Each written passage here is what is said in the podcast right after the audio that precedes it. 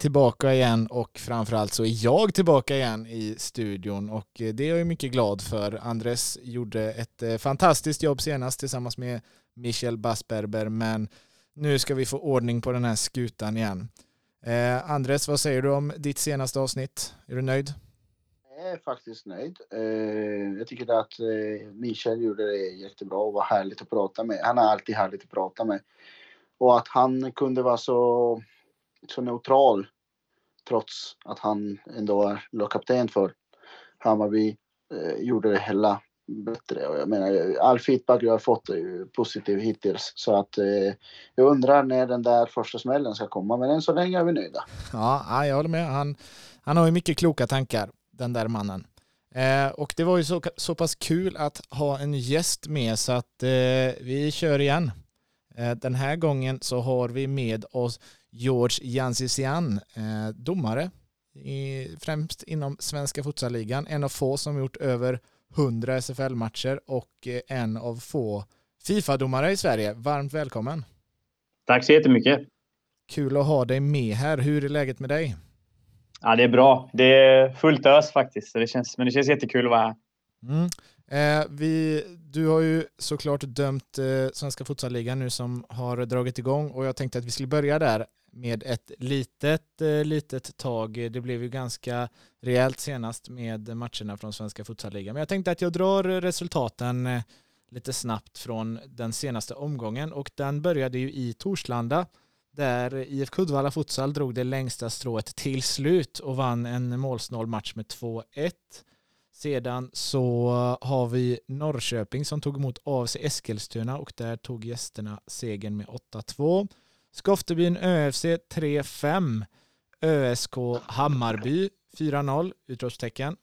Eh, sen då 17-6 vann IFK Göteborg Futsal med mot Strängnäs och slutligen kunde Borås AIK kliva in i den här säsongen med att eh, bortavinna med 10-3 mot Libertad. Några spontana tankar där. Vi kanske ska börja med eh, din match George i eh, Lundenhallen. Det var ju eh, säsongens hittills och kanske det blir det till slut också. Målrikaste möte. Ja, men det var... Det, det rasslade till rejält faktiskt. Det, och, och, alltså det, det slutar aldrig om man säger så, men jag tycker att jag är jätteglad att spelarna oavsett resultat förhåller sig professionellt hela vägen och, och fortsätter spela. Eh, alla kan ha bra dagar och alla kan ha mindre bra dagar men det huvudsakliga är att vi, att vi beter oss proffsigt och det tycker jag båda lagen gjorde jättebra. Mm. Det känns som att eh, Blåvitt eh, fick ut lite, lite revansch efter eh, den tunga premiärförlusten där.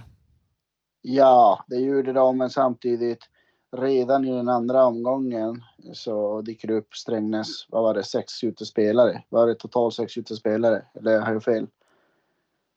Eh, Strängnäs kom med eh, en, två, tre, fyra, fem, sex, sju utespelare. Jag menar det är säsongens andra, det är bara andra omgången. Det är ju direkt, det hade jag förstått om det hade varit slutet på säsongen. Mm. Eh, det har hänt förut. Lag som hade svårt att hänga med i tabellen som förmodligen kommer att åka ur. Som till exempel Lidköping gjorde för ett par år sedan, Djurgården senast och ja, finns flera, flera exempel på det. Men att redan i den andra omgången. Eh, det, det enda det gör är att bekräfta det, det jag snackade lite med Michel förra, förra avsnittet att det finns fyra lag som kommer att få, få det tufft och kommer att, de kommer att vara inblandade i, i, i bottenstridet. Så här på hand och enligt resultaten och hur det ser ut nu så, så är Strängnäs definitivt där. Och det är synd. Det har varit en god förening att ha i SFL med goda människor runt omkring. Och, men eh, tyvärr så bäddar det inte för en bra fortsättning eller säsong överhuvudtaget. Det, allt kan hända, men trist. Ja, det är och sen Blåvitt. Ja, men Blåvitt gjorde det de ska göra. Jag menar, jag har lärt mig sedan jag var liten att respekt mot motståndare handlar om att kan du göra 72 mål som Djurgården gjorde mot Söderhamn för några år sedan så ska du göra 72 mål. Eh, och det gjorde Blåvitt och de måste ju se till sitt eget och det är ju kul för Petrit att få sitt första, sin första vinst som, som tränare och för hela Blåvitt som, som förväntas mycket av. Mm de, eh, om man snackar då tunn trupp i Strängnäs så känns det som att det är raka motsatsen just nu i Blåvitt. De har ju behållit sin eh, stomme från i fjol. Vi har ju pratat om nyförvärv. Nu har de ju dessutom då Haidar Bejan från Skoftebyn eh, kommit tillsammans med Patrik Burda. Båda de återvänder. Sen så såg vi ju även Jihad Nashabat i den uppställningen. Så han verkar ha gjort en nysatsning då kanske på futsalen igen. Ja, han, verkar ju, han är ju väldigt aktiv på sociala medier. Eh, där han, jag skrattar lite. Jag vet inte om jag har pratat med honom om det, men han skriver ju han lägger ut något, något på Instagram att eh, han är han på gymmet och så någon hashtag eh, vi börjar om eller något liknande. Och det är ju kul för det är som ni att eh, jag har haft nöjet att ha varit i samma lag som, som, ni, som Giat i Uddevalla. Eh, en skön gubbe, en väldigt, väldigt god kille och eh, en vänsterfot som få i Sverige så att det är ju jäkligt kul om han skulle kunna vara tillbaka på riktigt. Mm. Ja, en, en Jihad form och eh, med vilja att göra det helhjärtat, då är det en ruskigt farlig målskytt. Helt klart. Mm. Ja, några andra. Jag satte ett litet utropstecken eller ett ganska stort till och med på ÖSK den här omgången. Ehm, Spanade ni in den matchen?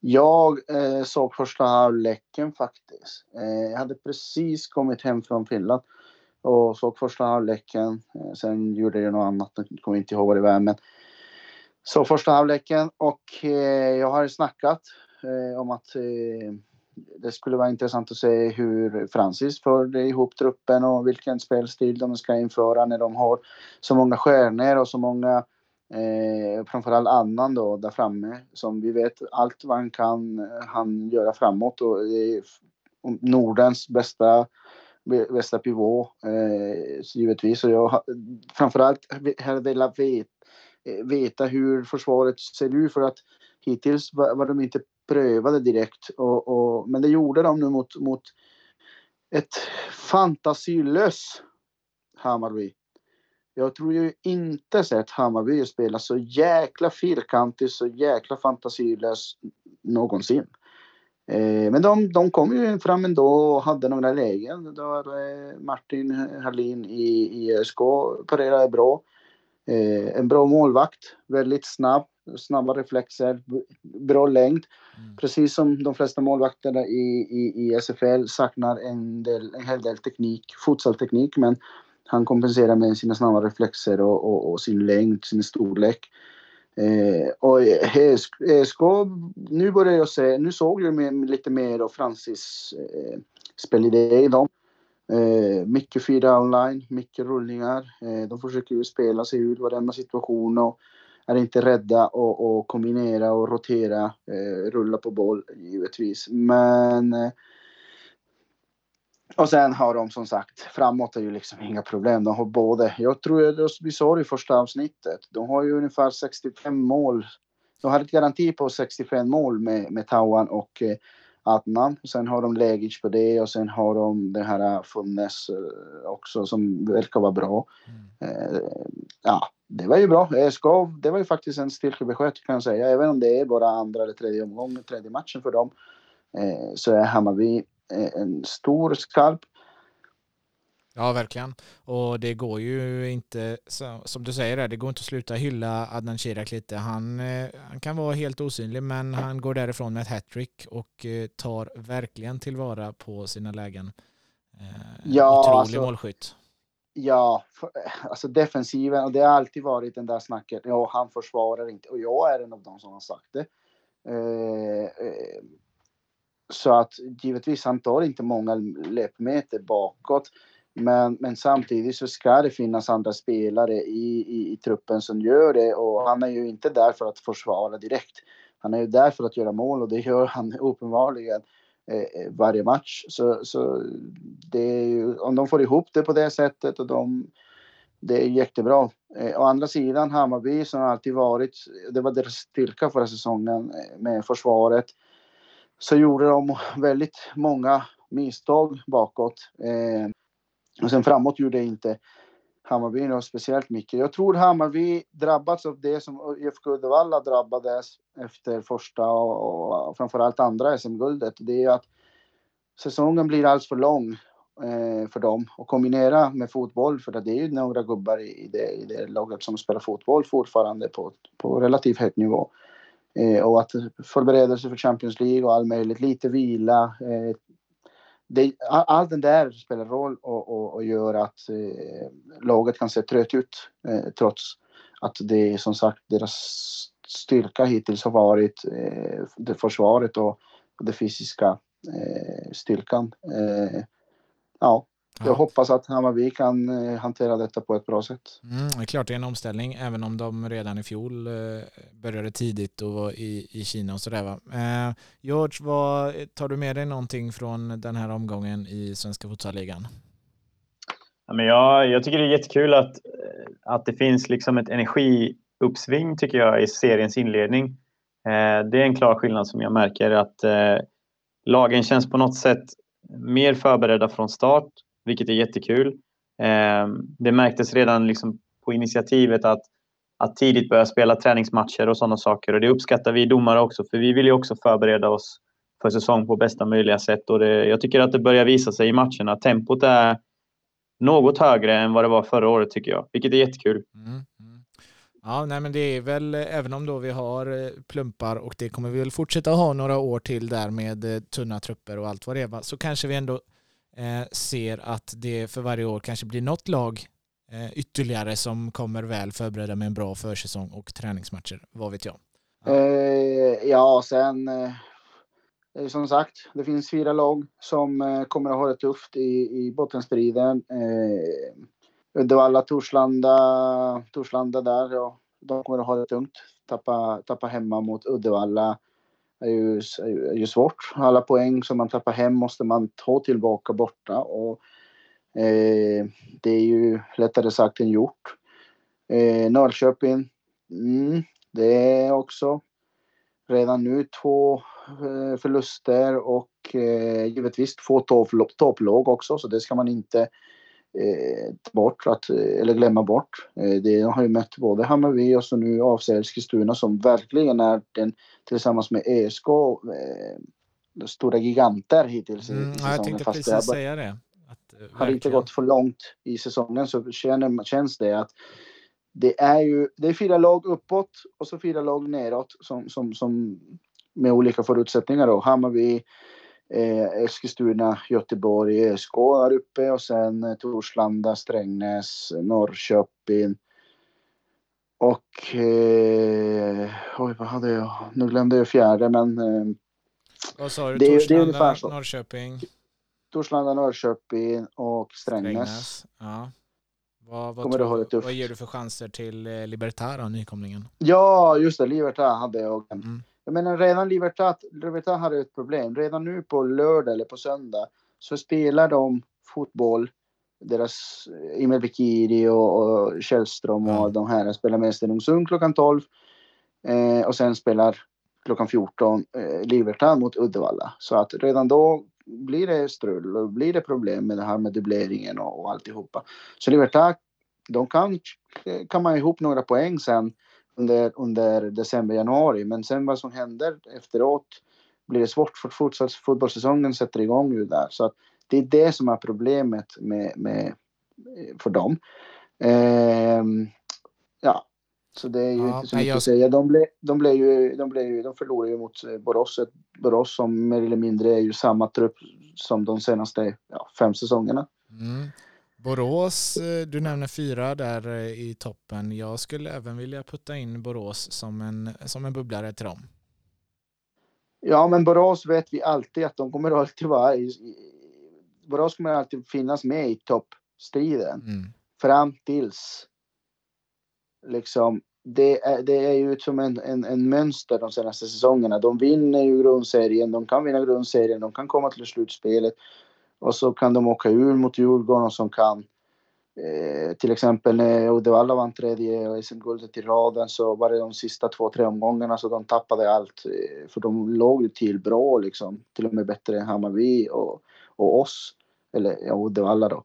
Eh, så att det är ju det att Borås kommer och, och, och, så länge de orkar och så länge det räcker och så länge det är någon slags frid och fröjd i, i truppen så, så var, ska de vara där i toppen. Som sagt, det är samma trupp som för typ fem år sedan, mer eller mindre. Ja. Det där kontinuitet skojar man inte bort.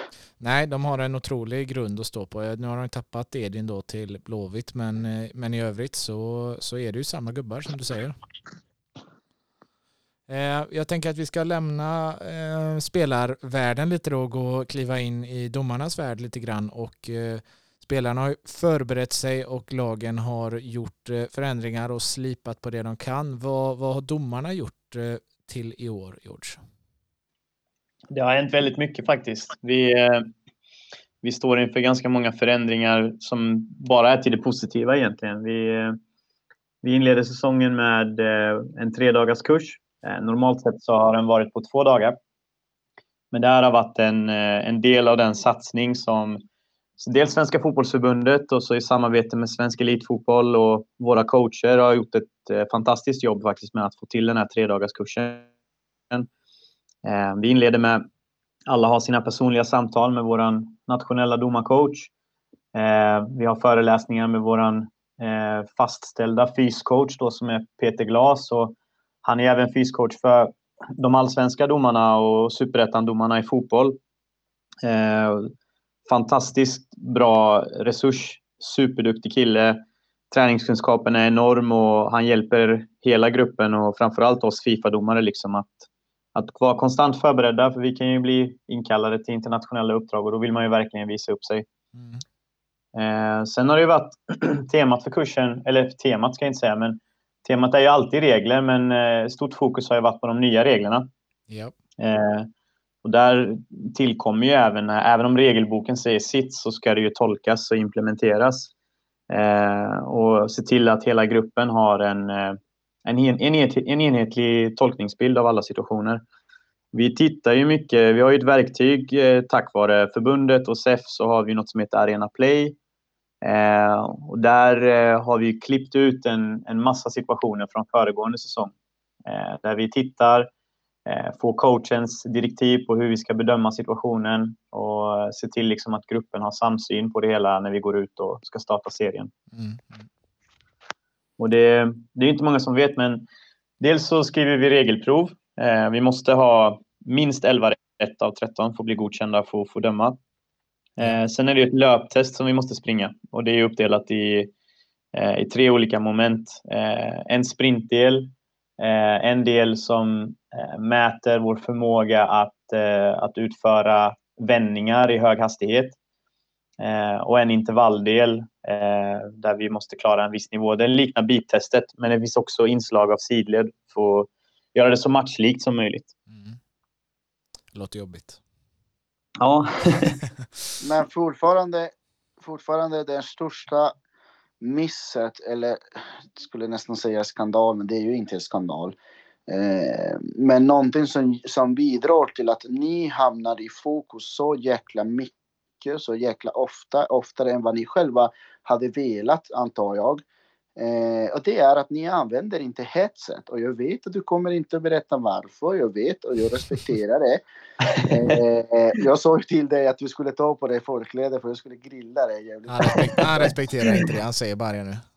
Men, men på riktigt alltså, det är ju det är ju, det är ju ett bidragande faktor till att ni som domare där ni är som bäst. När ni är som bäst, då är ni osynliga.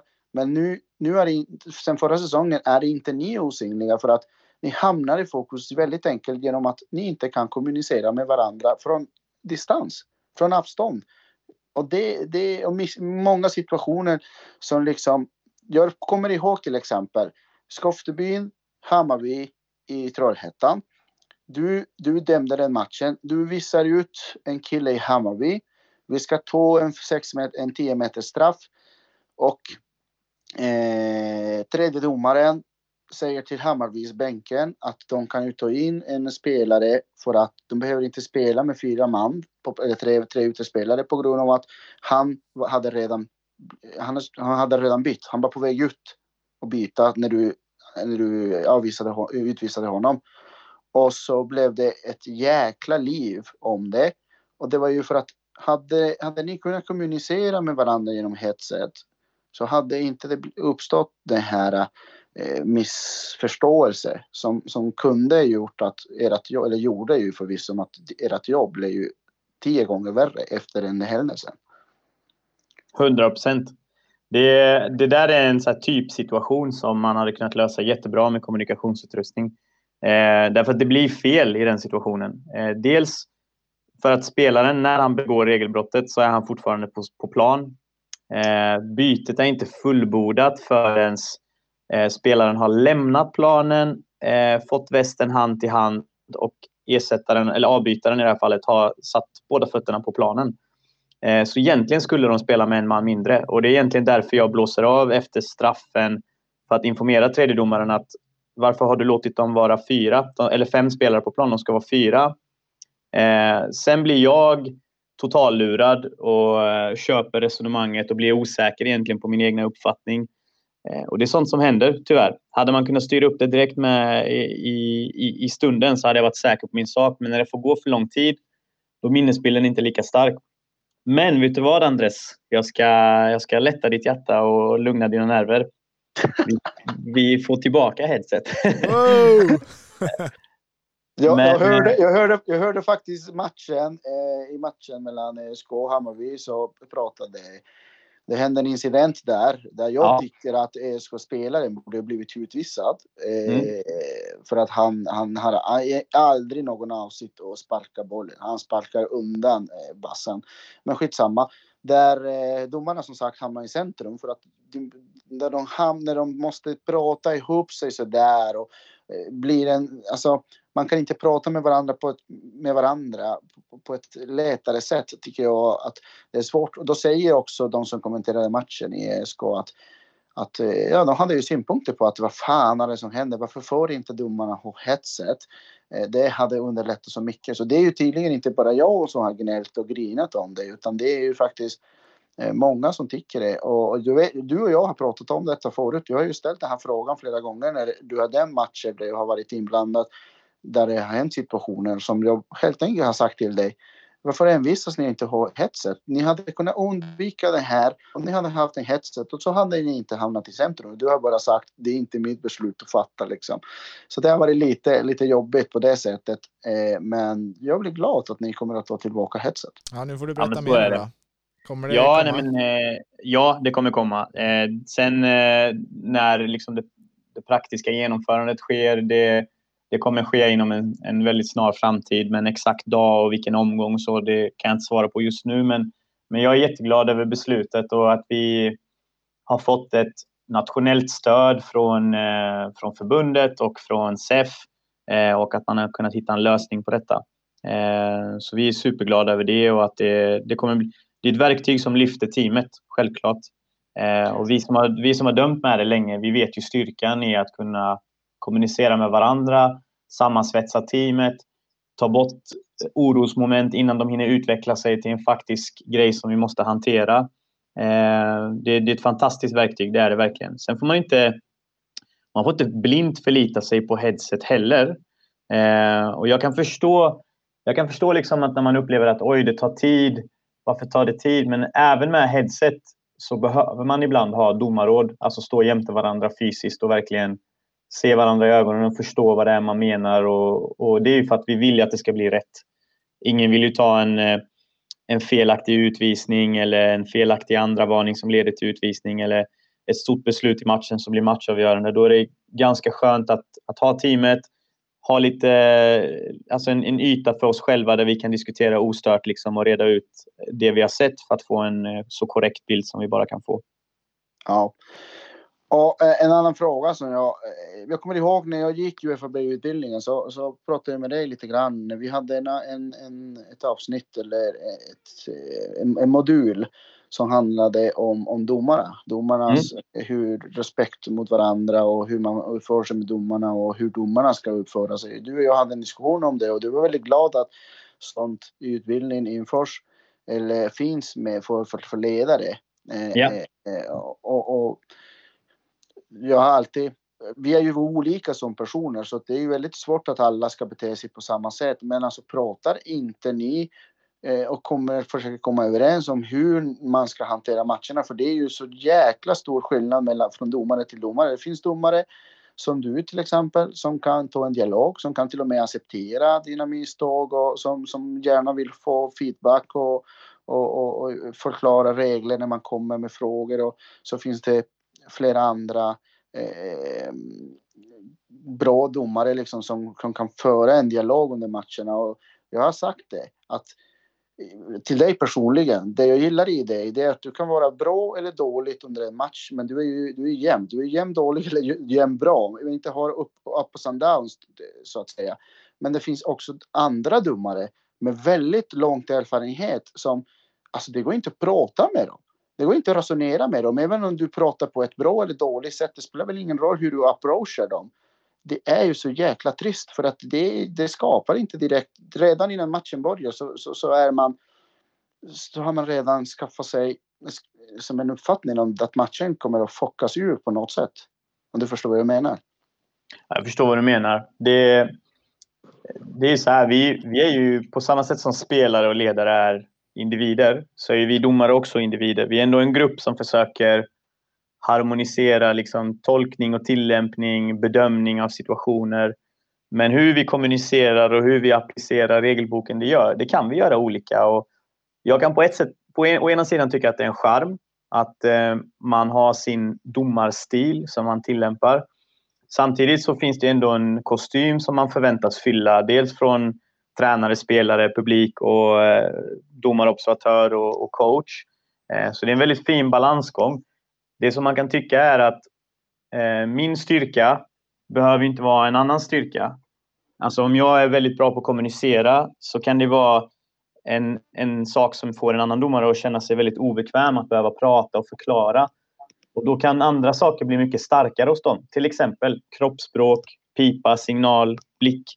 Eh, och, och det, jag tror att som spelare så måste man läsa av det. Det finns spelare som jag har dömt som säger jag vill inte prata med dig. Och då måste jag respektera det. Om jag fortsätter att prata med den individen då kommer han balla ut till slut och då är det jag som har skapat någonting som inte borde vara där. Så att eh, det är jättesvårt liksom och eh, matchledarskapet det, det, måste hela tiden vara dynamiskt och flexibelt och, och följa spelarna och följa matchen. Eh, och där, så är det för en spelare också att okej, okay, den här domaren kanske inte är så jättekommunikativ verbalt men jag får försöka titta på kroppsspråket och läsa av intentionen och, och i alla fall acceptera bedömningarna. Kanske få några korta ord men kanske inte förvänta mig att jag ska få någon längre utläggning i alla fall. Mm. Mm. Nöjd med svaret, jag måste ju säga att du, jag, du har utvisat mig tre gånger vad jag kan komma ihåg. Jag måste vara den ledaren som har blivit utvisad flest gånger i, i SFLs historia. Men jag har blivit utvisad tre gånger av dig och en gång av Nyholt. Eh, och trots att du har utvisat mig tre gånger så, så har vi ändå haft ett jäkla bra dialog och, och jag vill säga att du är en, en, en, en vän, en futsalvän som, som jag här kan alltid vända mig emot och få förklaringar om regler och jag är ju lite som en nörd som sagt så att jag det är kul för jag kan alltid komma till dig och fråga vad, vad fan menade han där? Eller hur dömde han där? Eller varför? och, och sådana grejer. Det, det är alltid kul. Så det, det är ju ändå jag har alltid sagt till dig, det är ändå sjukt att du har visat ut mig tre gånger, skickat mig tre gånger på läktaren, men vi är ju ändå så jäkla bra. Eh, eller vi har det så jäkla bra med varandra. Eh, det är ju det är precis för din personlighet och givetvis alla domare kan inte som sagt, vi alla är olika, vi är väl som ledare. Eh, men det hade varit skönt om, om, om, om domarna hade, hade i alla fall, jag vet inte, någon, någon slags förståelse att vissa situationer förvärras bara av, att, av att visa ett kort för tidigt. Eller hur man, hur man kommunicerar när man ändå gör det. För jag har varit med domare som kommer och säger till en spelare som inte sagt ett ord på hela matchen. Och så kommer dom, spelaren och säger hur kan du blåsa frispark för det? Väldigt, väldigt faktiskt väldigt bra eh, sagt. Och domaren har bara svarat nästa gång du öppnar käften så får du ett kort. Och och, jag menar, det, det, det, skapar inte direkt någon trygghet eh, i matchen. Ja, och det, alltså det, finns ju, det finns ju vissa grejer som, som liksom är mer, eh, vad ska man säga, mer domar... alltså utifrån domarperspektiv så kan det mm. också vara som så att kollektivet har skapat det bemötandet för individen också. Och det är många som glömmer det, att ibland kan det vara så att du dömer ett lag. Eh, laget i sig eh, har liksom skapat friktion, ifrågasatt, protesterat gång på gång på gång på gång. Och sen så kommer den här stackaren, kanske sätter sin fot för första gången på planen egentligen, inbytt spelare och frågar en ärlig fråga. Domaren, varför blåste du den? Och så tyvärr så kommer alltså en avreaktion på just den personen. Eh, och där tycker jag, jag tycker det är jätteviktigt att som kollektiv, jag vet själv när jag spelade i England, vi pratade jättemycket om hur hanterar vi om vi blir en man mindre? Hur hanterar vi det mentalt?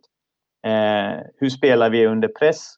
Vad händer om vi, om vi går ut med inställningen att den här matchen ska vi vinna hur enkelt som helst, men så åker vi på första målet? Alltså det, att hantera den motgången, det, det är minst lika viktigt. Och börjar man fokusera på domaren, då, då är man väldigt fel ute. Men jag kan förstå vad du menar Andres, men det, jag tror att ibland så är det bara olyckligt egentligen. Ja, ja. ja, ja. Eh, vi, ska, vi ska faktiskt börja runda av här, eh, är tanken idag. Det är, tiden går fort när man har roligt och det är en väldigt, eh, väldigt spännande diskussion. Eh, men avslutningsvis då, vad, vad, hur mycket ser du fram emot eh, säsongen för egen del i år, George? Ja, men jag, jag är supertaggad. Det får döma två matcher hittills. Eh, hoppas på att få göra eh, internationell tävlingsdebut. Det här har varit jättekul. Mm. Eh, fysiskt känner jag mig väldigt förberedd och eh, att, att liksom ha många bra, stora matcher i benen och i, i huvudet framför allt känns extra bra. Men det får gärna gå några omgångar till i SFL eh, innan man får eh, någon form av eh, kallelse till ett internationellt uppdrag. Men det har varit en stor ära att få åka ut i Europa. Ja. Ja, men du får också då på något sätt, nu inte han involverad i SFL längre då, men lyckas visa ut Andres ett par gånger i år så att ni fortsätter med er fina vänskap. ja, det, det, är bra. Nej, jag tycker, jag tycker verkligen att eh, ligan går framåt. Alla, alla, alla gör det. Jag tycker det var jävligt kul att, att se att eh, domarklubben hade möte med, med klubbarna eh, inför säsongen. Det har faktiskt efterfrågats länge. Eh, det är ju tyvärr så att även idag eh, efter sex år av SFL så är det många regler som som är gamla, som fortfarande spelarna och ledarna känner inte till. Eh, för att vi har aldrig blivit egentligen utbildade i det. Eh, och så kom det 14, om jag kommer ihåg rätt, 14 nya regler eller förändringar eller uppdateringar av vissa regler i år. Eh, så att precis, precis som lagen, det, det vi snackar hela tiden om utveckling och utveckling och, och, och, och Utvecklingen innebär inte bara pengar och få lön och kunna bli proffs på futsal men att du ska åtminstone lära dig reglerna och veta under vilka regler du spelar är ju ett utveckling, eh, det är ett tecken på utveckling. Och som jag alltid sagt till, till, till Josh när vi har pratat om, om detta. Jag vill ju lära mig reglerna för att jag vill använda reglerna till min fördel. Mm. Eh, många ser reglerna som någonting, fan det är så jobbigt att följa och reglerna för att bryta. Jag tycker tvärtom. Jag tycker jag vill lära mig reglerna för att utnyttja dem till min fördel. Eh, så att nej, det är kul och vi ser fram emot en, mitt, eh, en omgång i SFL mitt i veckan också. Så att det, det, futsal ska vi inte gå miste om. Nej, så är det och eh, bara fylla i det. Jag tycker det är väldigt häftigt eh, vilka kliv ni tar och eh, visar utåt också hur seriöst eh, domarna inom futsalen tar på detta så hoppas vi att det smittar av sig till alla inblandade. Det är superviktigt. Ja, det är det verkligen. Vi, eh, vi har ju ett stort ansvar på våra axlar. Vi, vi är ju ansiktet utåt. Vi dömer i den högsta serien. Det är jätteviktigt. Alltså, vi har massa domare som dömer i division 1 och division 2. Eh, och de tar ju efter oss. Det är viktigt att vi är extremt vältränade, att vi att regelkunskapen sitter, eh, att vi liksom följer de direktiv som Uefa sätter och som våra coacher fastställer. Eh, men det är, det, är liksom, eh, det är också viktigt att lagen tänker i de banorna och att man får utrymme för att ställa de här frågorna som ni har, som Andres har. Mm. Jag tycker det är jätteviktigt att kunna prata om tolkningar, bedömningar och sådana saker. Mer kunskap, det, det gör bara sporten bättre skulle jag säga. Mer kunskap åt folket. Eh, super. Vi är ju vi är väldigt tacksamma över att du tog dig tid att eh, vara med här idag i vårt tredje avsnitt för säsongen och eh, hoppas kunna bjuda tillbaka dig hit eh, senare den här säsongen så kan vi fortsätta. Andres har nog hundra frågor till som han egentligen vill ställa. Tack så mycket. ja, och med det så avslutar vi också den här veckans podd. Tack för att ni har lyssnat och vi hörs igen om en vecka på torsdagar som alltid. Ha det bra!